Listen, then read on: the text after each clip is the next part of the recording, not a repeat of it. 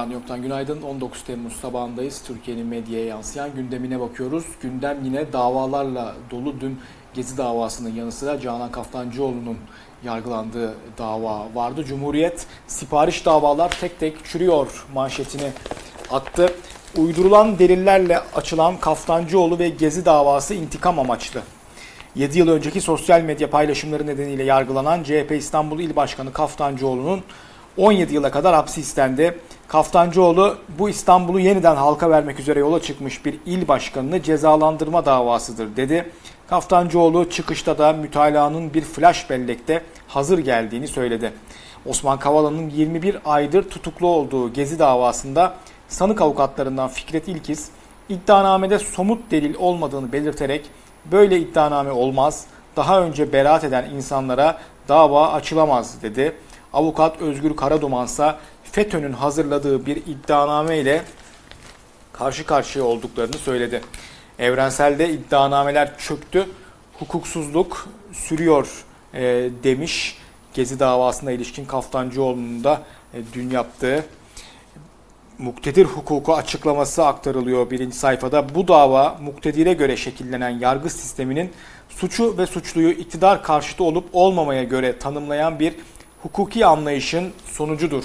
Kaftancıoğlu'nun dünkü e, pek çok aslında bir sürü cümlesi manşete çıkarılabilir savunmasından ama bu önemli olanlardan e, biriydi.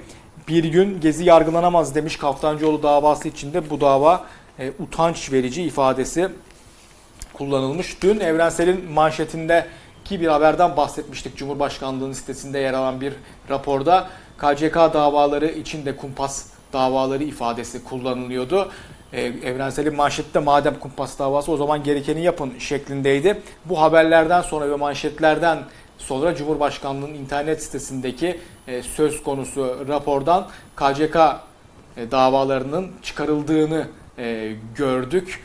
Herhalde epey bir azar işiten oldu Cumhurbaşkanlığında. Bu herhalde ya bir yanlışlık yapıldı ya da hakikaten yazan öyle yazdı da daha sonra bu fark edilmedi ve siteye öyle girildi. Ama neticede Cumhurbaşkanlığına göre yani statüko değişmemiş oldu. Ergenekon ve Balyoz evet FETÖ kumpası ama KCK davaları için aynı ifade kullanılmıyor. Olan yine Kürtleri oldu anlayacağınız.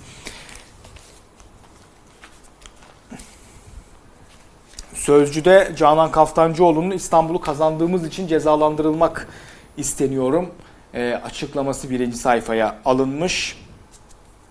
E, dünkü yine davalarla alakalı bir başka gelişme Cumhuriyet davası Yargıtay Başsavcılığı'nın e, Cumhuriyet çalışanlarına beraat istediği e, haberiydi.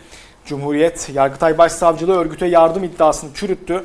Eski Cumhuriyet çalışanları hala hapiste demiş ve özgürlüklerini verin ifadesini de sür manşetine taşımış.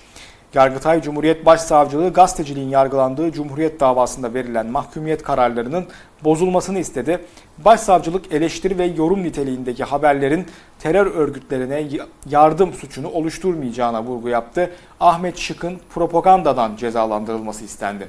Sosyal medya paylaşımları nedeniyle hukuksuz şekilde tutuklu bulunan Emre İper'in temyiz isteminin reddine karar verilmesi talep edildi.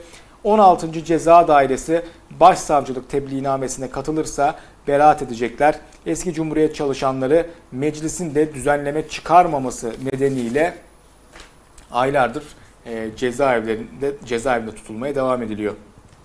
Sözcüde de bu haber savcı cumhuriyetçilerin beraatini istedi şeklinde haberleştirilmiş. E, bu davalar gündeminde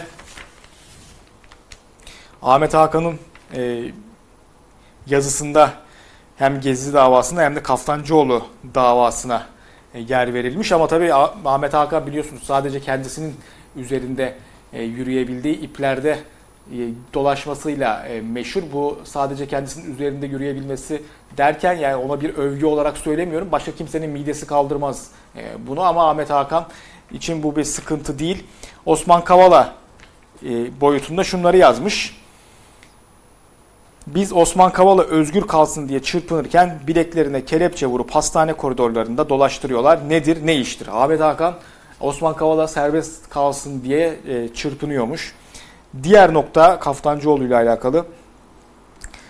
Bir, attığı tweetler nedeniyle CHP İstanbul İl Başkanı Canan Kaftancıoğlu'nu ayıplayanların başında geliyorum. İki, attığı tweetler nedeniyle CHP İstanbul İl Başkanı Canan Kaftancıoğlu'nun yargılanmasına da şiddetle itiraz ettim, ediyorum. Yani o bahsettiğim cambaz dengesi Ahmet Hakan'ın e, böyle bir şey. Ama aynı zamanda devamında gelen şu cümleler de Ahmet Hakan'ı ve Ahmet Hakan yazarlığını tanımlamak için e, önemli. Bu iki noktayı işaret ettikten sonra söyleyeceğim şudur. Canan Kaftancıoğlu hakkında açılan bu davayı kendi politik kariyerinin manivelası yapmak için elinden geleni fazlasıyla yapıyor. Tabii yapana değil yaptırana bakacaksın.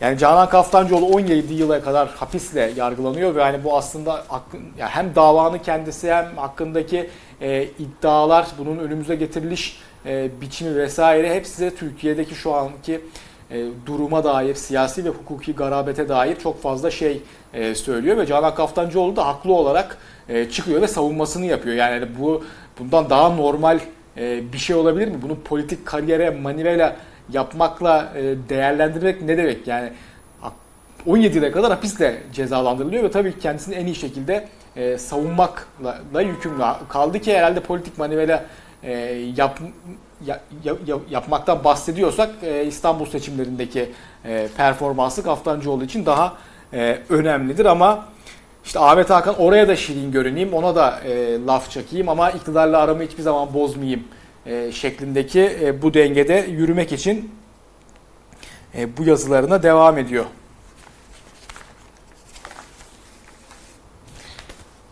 Evrensel'in manşeti bağımlılık artıyor, fatura büyüyor. Meltem Akyol Erhan Keleşoğlu'yla e, konuştu ve tüm bu S-400 e, hani Doğu Akdeniz'deki gerilim, ABD, Rusya, Türkiye üçgeninde yaşananlar tüm bu meseleleri e, değerlendirdiler. AKP iktidarının Rusya ve ABD arasında sürdürdüğü silah diplomasisi bağımlılığı derinleştirirken ekonomik faturayı da büyütüyor. Rus yapımı S-400'lerin teslimatıyla başlayan gerilim ABD'nin Türkiye'yi F-35 programından çıkarmasıyla daha da arttı. Süreci değerlendiren akademisyen Erhan Keleşoğlu, S-400'lerin ekonomiden demokrasiye, ABD ile ilişkilerden Doğu Akdeniz kriziyle bağlantısına kadar geniş bir çerçevede değerlendirerek gelinen noktanın tam bir kör düğüme döndüğünü söyledi. S-400 tercihinin Türkiye'ye ekonomik maliyetinin artacağına dikkat çeken Keleşoğlu, S-400'lerin ulusal güvenlikle gerekçelendirilmesine ise güvenlik refah içerisinde, huzur içerisinde ve barış içerisinde yaşamaktır dişimize, tırnağımıza kadar silahlanma, barış ve huzur getirmez dedi. Evrensel'de Ahmet Yaşaroğlu'nun ve e, Yücel Özdemir'in de yazıları var bu meseleyle alakalı. Ahmet Yaşaroğlu'ndan şöyle bir cümleyi okuyayım. Yazısının başlığı bağımsızlık önemsiz mi? Ülke neden bu kadar silah almaya mahkum edildi? Madem bağımsızlık bu kadar önemli, uluslararası tekerler ekonomide neden bu kadar ağırlıklı bir yer tutuyor? Gelip yeni yatırım yapsınlar diye ayaklarının altına kırmızı halılar seriliyor. Bu tabii önemli bir e, hatırlatma. Bağımsızlığın ve e, işte son dönemde iktidarı kullanmaya moda oldu. E, Anti-emperyalizm e, meselesinin o kadar basit e, değerlendirilemeyeceğini vurgu yapıyor Yaşaroğlu. Yücel Özdemir Kıskaç'taki Türkiye yazısında da şu vurguları yapmış.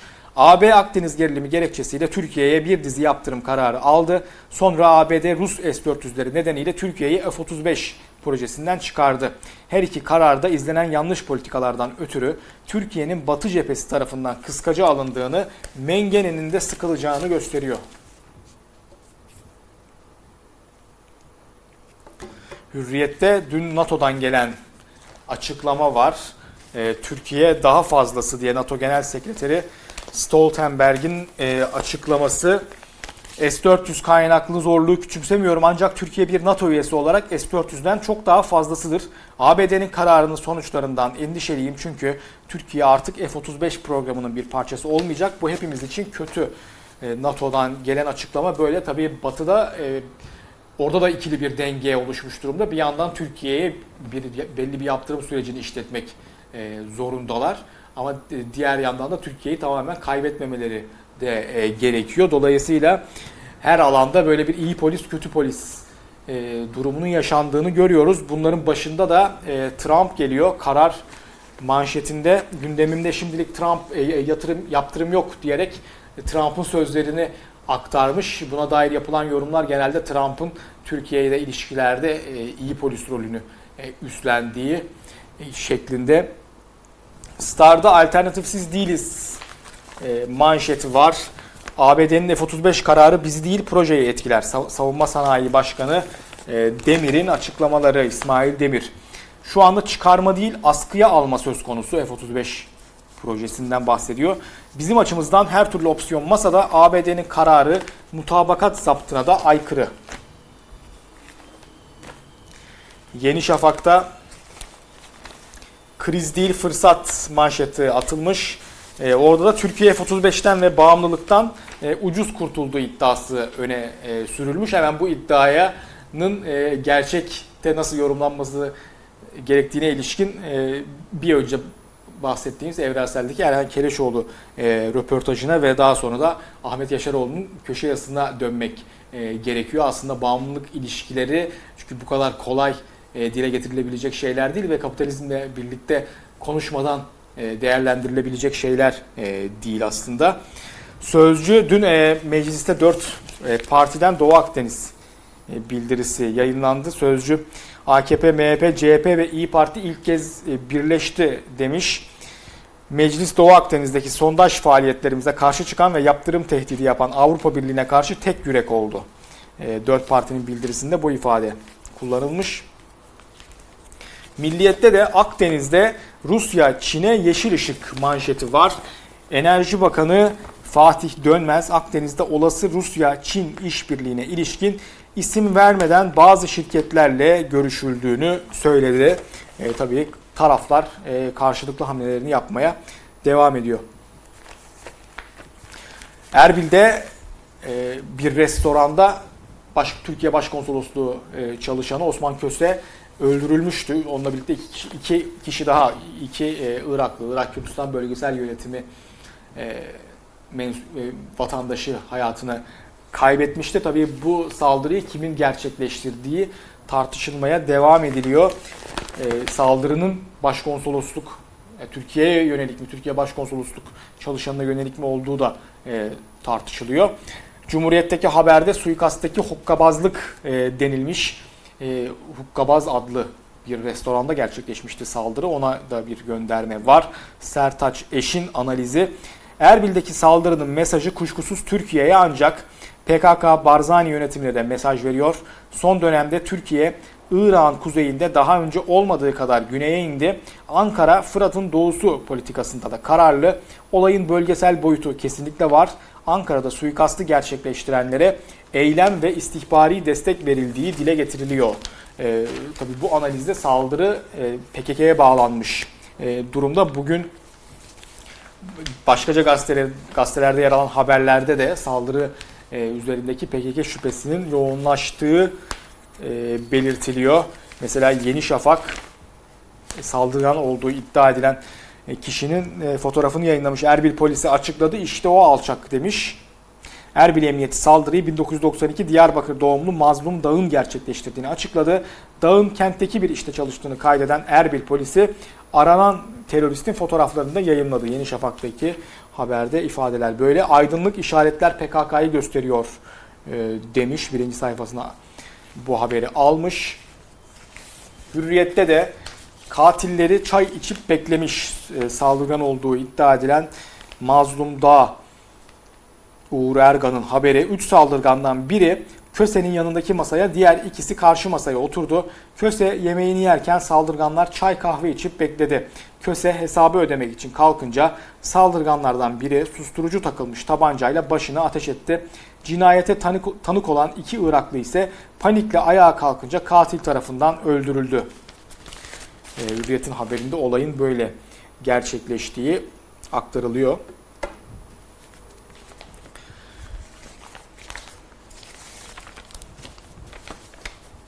Emniyette e, bazı değişiklikler yaşandı. Emniyet e, Müdürlüğü'ne Celal Uzunkaya e, vardı. O görevden e, alındı. Tabii bu değişiklikte Mehmet Ağar'ın rolü olduğu iddia ediliyor. Mehmet Ağar daha e, önceki e, günde e, işte böyle Korkut Eken'in de içerisinde yer aldığı bir ekiple görüşme yaptığı e, haberleri çıkmıştı.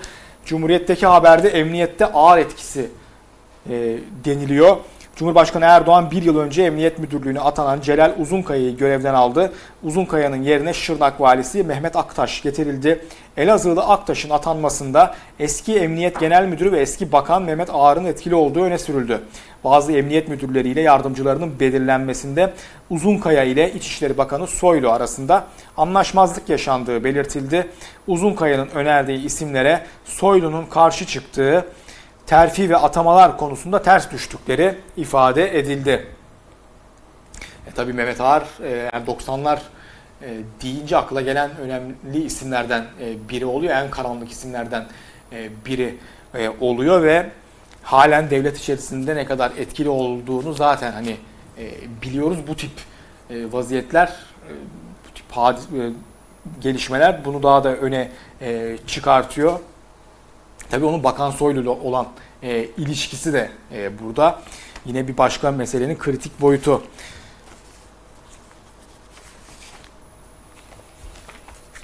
Sözcüde de bu meseleyle alakalı FETÖ ile mücadelede garip şeyler oluyor. Anlaşılır gibi değil manşeti atılmış. FETÖ'yü ihbar ettiği için iftiraya uğrayıp 4 yıl yargılanan, beraat ettikten sonra emniyetin başına geçen Genel Müdür Celal Uzunkaya Kılıçdaroğlu'na linç olayından sonra görevden alındı.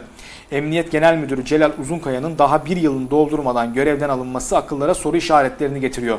Çünkü Uzunkaya 43 yıllık meslek hayatında emniyetteki Fethullahçı yapılanmayla mücadele etti. Hatta onları tek tek bildirdi. Bu yüzden FETÖ'cülerin ihbarıyla dolandırıcılık soruşturması geçirdi. 4 yıl yargılandı, beraat etti. Ardından Emniyet Genel Müdürü oldu. CHP lideri Kılıçdaroğlu'nu Ankara Çubuk'taki linçten kurtaran konuşmayı yaptı. Şimdi kızağa alındı. Kafalar karıştı. Ee, burada da yine aynı meseleyle alakalı e, işin bir başka boyutu tabii her zaman devlet içerisindeki her türlü e, gelişmede hala e, yani bu kadar devam eden işte FETÖ operasyonlarına filan rağmen hala bir FETÖ gölgesi hep oluyor. Haberde FETÖ kumpasına uğrayan müdürler denilmiş ve Emin Aslan, Hanefi Avcı, Sabri Uzun e, gibi isimlerin adları aktarılıyor.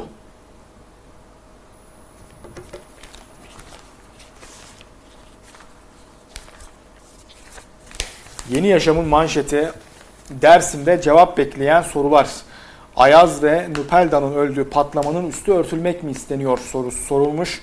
Dersim'in Ovacık ilçesine bağlı Bilgeç köyünde 15 Temmuz'da meydana gelen ve 8 yaşındaki Ayaz Güloğlu ile 4 yaşındaki kardeşinin Nupelda'nın ölümüne neden olan patlamayla ilgili çok sayıda soru ve karanlık nokta olmasına rağmen valilik niçin alelacele PKK yaptı diye açıklama yaptı.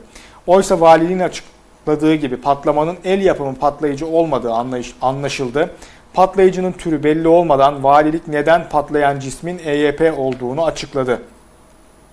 Köylüler patlayıcının olduğu yerde sürekli kendilerinin ve hayvanlarının geçtiğini belirterek önceden yerleştirilmiş bir mayın olma ihtimalinin de olmadığını söylüyor.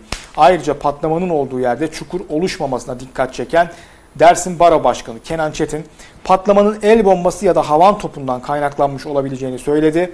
Yine bölgenin operasyon bölgesi olmaması ve karakola 15 dakikalık mesafe olması da dikkat çekiyor Yeni Yaşam'ın e, manşet haberinde böyle e, vurgular var. Evrenselde Yusuf Karataş'ın yazısı var. Yine aynı meseleyle alakalı.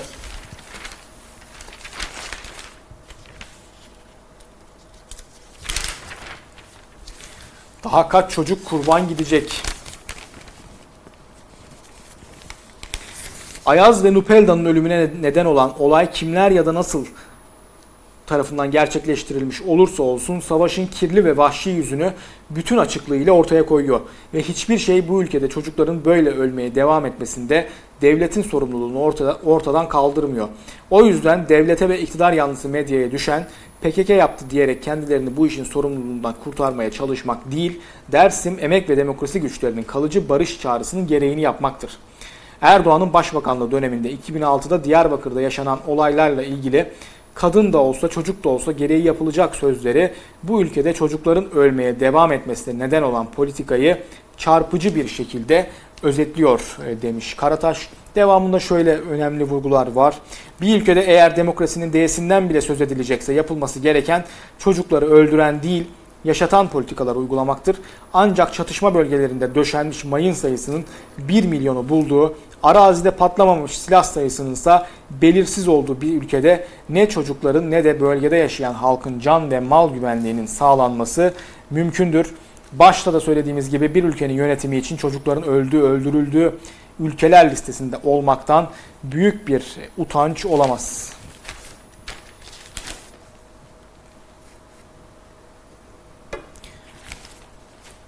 Dün Ahmet Davutoğlu'nun e, katıldığı yayın e, gündemde önemli bir yer e, tuttu. O da tabii yani yeni parti kuracak mı? AKP ile uzun süredir Erdoğan ve AKP yönetimine e, dair eleştirilerini e, dile getiriyor. Ama Babacan ve Gül ekibinden de ayrı bir yerde e, duruyordu. Buna dair dün pek çok mesaj verdi. Kararda partim bölünmesin diye başbakanlığı bıraktım ifadesi birinci sayfaya alınmış. Şöyle e, ifadeler var. Suriye'de tüm suç benim mi? Böyle sormuş. Suriye bütün o olumsuzlukları bana yükleyip kendinizi işin dışında tutarsanız buna siyasi ahlaksızlık derim. Erdoğan'a diyor. Meydan okuyorum, sorumluluktan kaçmam. Emevi Camii'nde namaz kılacağım diye bir ifadem yok. Başkanlık sistemi için çarpık bir sisteme geçtik demiş. 15 Temmuz'dan 6 ay sonra yapılan oylamayla çarpık bir sisteme geçtik. Genel başkanlık ayrılmalı, Cumhurbaşkanı yardımcısı seçimle gelmeli, yargı bağımsızlığı teminat altına alınmalı.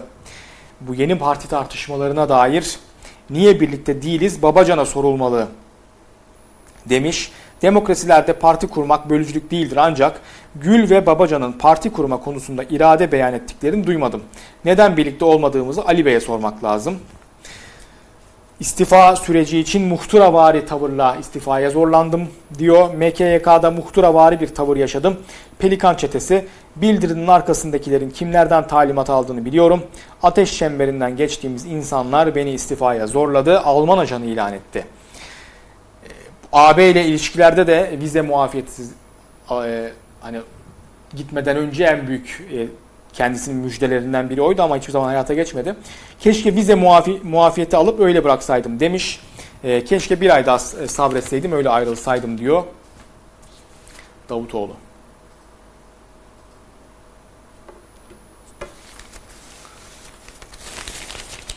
E, dün Van'da mültecileri taşıyan e, bir minibüs kaza yaptı ve 17 mülteci hayatını kaybetti evrenselde. Daha çok mülteci alsın diye koltukları sökmüşler deniliyor. Çünkü 17 e, ölü var, 50 de yaralı var. Yani e, bir minibüse zaten kaç kişi e, sığabilir? İşte bütün koltukları eğer sökerseniz daha çok insan girebilsin e, diye e, böyle şeyler olabilir. Kim bilir kaza yapmayan kaç tane e, böyle araç var? İnsanlar ne koşullarda e, seyahat etmeye zorlanıyorlar ve işte ters bir şey olduğunda da böyle katliamlar e, meydana geliyor. Karar bu facianın ardında çok soru var demiş. 18 kişilik araçta Afganistan, Pakistan ve Bangladeş uyruklu 67 kişinin bulunduğu ortaya çıktı. Olay yerindeki dehşet manzarası ise bugüne kadar yaşanan onlarca benzer faciaya rağmen neden önlemler yetersiz kalıyor sorusunu gündeme taşıdı. Milli Gazete'de yine göçmen faciası ifadesi kullanılmış. Yeni Şafak trafikte mülteci katliamı demiş. Sabah da insan tacirlerinin katliamı e, diyor.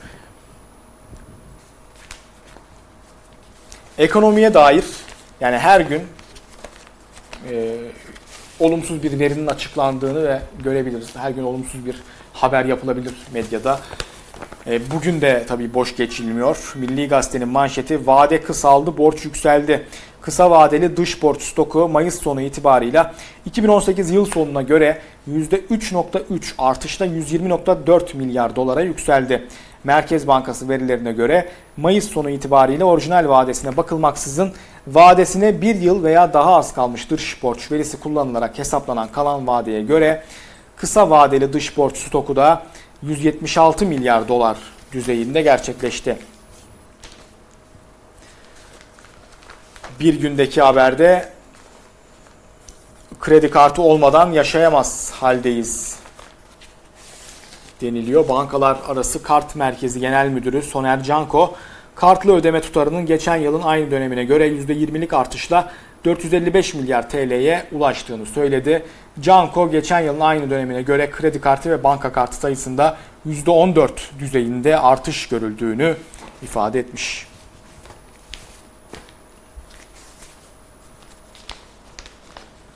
Evrenselde de ekonomide denizin dibi gözüktüğü haberi var. Devletin kefen parası olarak adlandırılan ihtiyat akçesinin hazineye devredilmesinin önünü açan varlık barışını içeren torba yasa mecliste kabul edildi. İktisat profesörü Aziz Konukman denizin dibi gözüktü dedi. Diğer gündemlere bakalım. Dün e, Düzce'de sağanak vardı ve e, işte 69 kişinin mahsur kaldığı duyurulmuştu. Bunlar 5 helikopterle kurtarıldı. 7 kişi halen e, kayıp karar. Düzce'de durmayan sağanak afeti demiş bu gelişmeyi böylece aktarmış birinci sayfasına. Bir günün manşetinde süper aile var. Eski aile bakanı Fatma Betül Sayan Kaya'nın ailesi. Bu aileye dair haberler zaman zaman çıkıyor. Artık becerikli aile olarak e, anılıyorlar. İşini bilen, yolunu bilen e, aile de denebilir. Bir gün her biri ayrı koltukta demiş. Eski Aile Bakanı Sayan'ın kardeşi Fatih Sayan hem BTK'den sorumlu Ulaştırma Bakanlığı Yardımcısı hem de BTK'nin denetlediği Türk Telekom'un başkanı. Süper kardeşler her yerde ara başlığı da var. Orada Sayan'ın kız kardeşi Ayşe Hilal Sayan Koytak kuvvet büyükelçisi olarak atanmıştı. Onu hatırlatmışlar. Diğer kız kardeş Nazmiye Sümeyye Sayan AKP'den İstanbul Büyükşehir Belediyesi meclis üyesi. AKP'li Cumhurbaşkanı Erdoğan ise daha geçen hafta liyakata, istişareye daha çok önem vereceğiz demişti hatırlatması yapmış bir gün haberinde. Bir gündeki bir başka haber İspark'ta skandal ihale. 23 Haziran seçimlerinin ardından istifa etmeyen İspark yönetimi 894.480 TL'lik araç kiralama sözleşmesi imzaladı. 4 Temmuz'da yapılan ihaleyi 2015 yılında AKP'den Gümüşhane milletvekili aday adayı olan Abdülbaki Kara'nın sahibi olduğu şirket aldı. Yani bu e, bu iş bu işler devam ediyor. E, İBB'de şirketten bir türlü istifa şirketlerden bir türlü istifa etmedikleri için e, hani hem manşetteki haber gibi hem de onun altındaki haber gibi işleri bir süre daha görmeye devam edeceğiz gibi duruyor.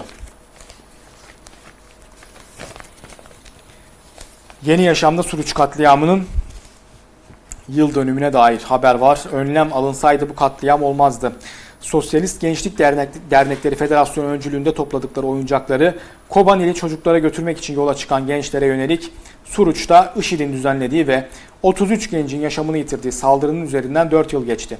Katliamın tanıkları gerekli önlemleri almayan devletin saldırıdan sorumlu olduğunu vurguladı. HDP de katliamın yıl dönümünde meclis araştırması için önerge verdi ancak önerge reddedildi. Ne var ne yoktan bu haftalık bu kadar. Pazartesi günü yeniden görüşmek üzere. Hoşçakalın.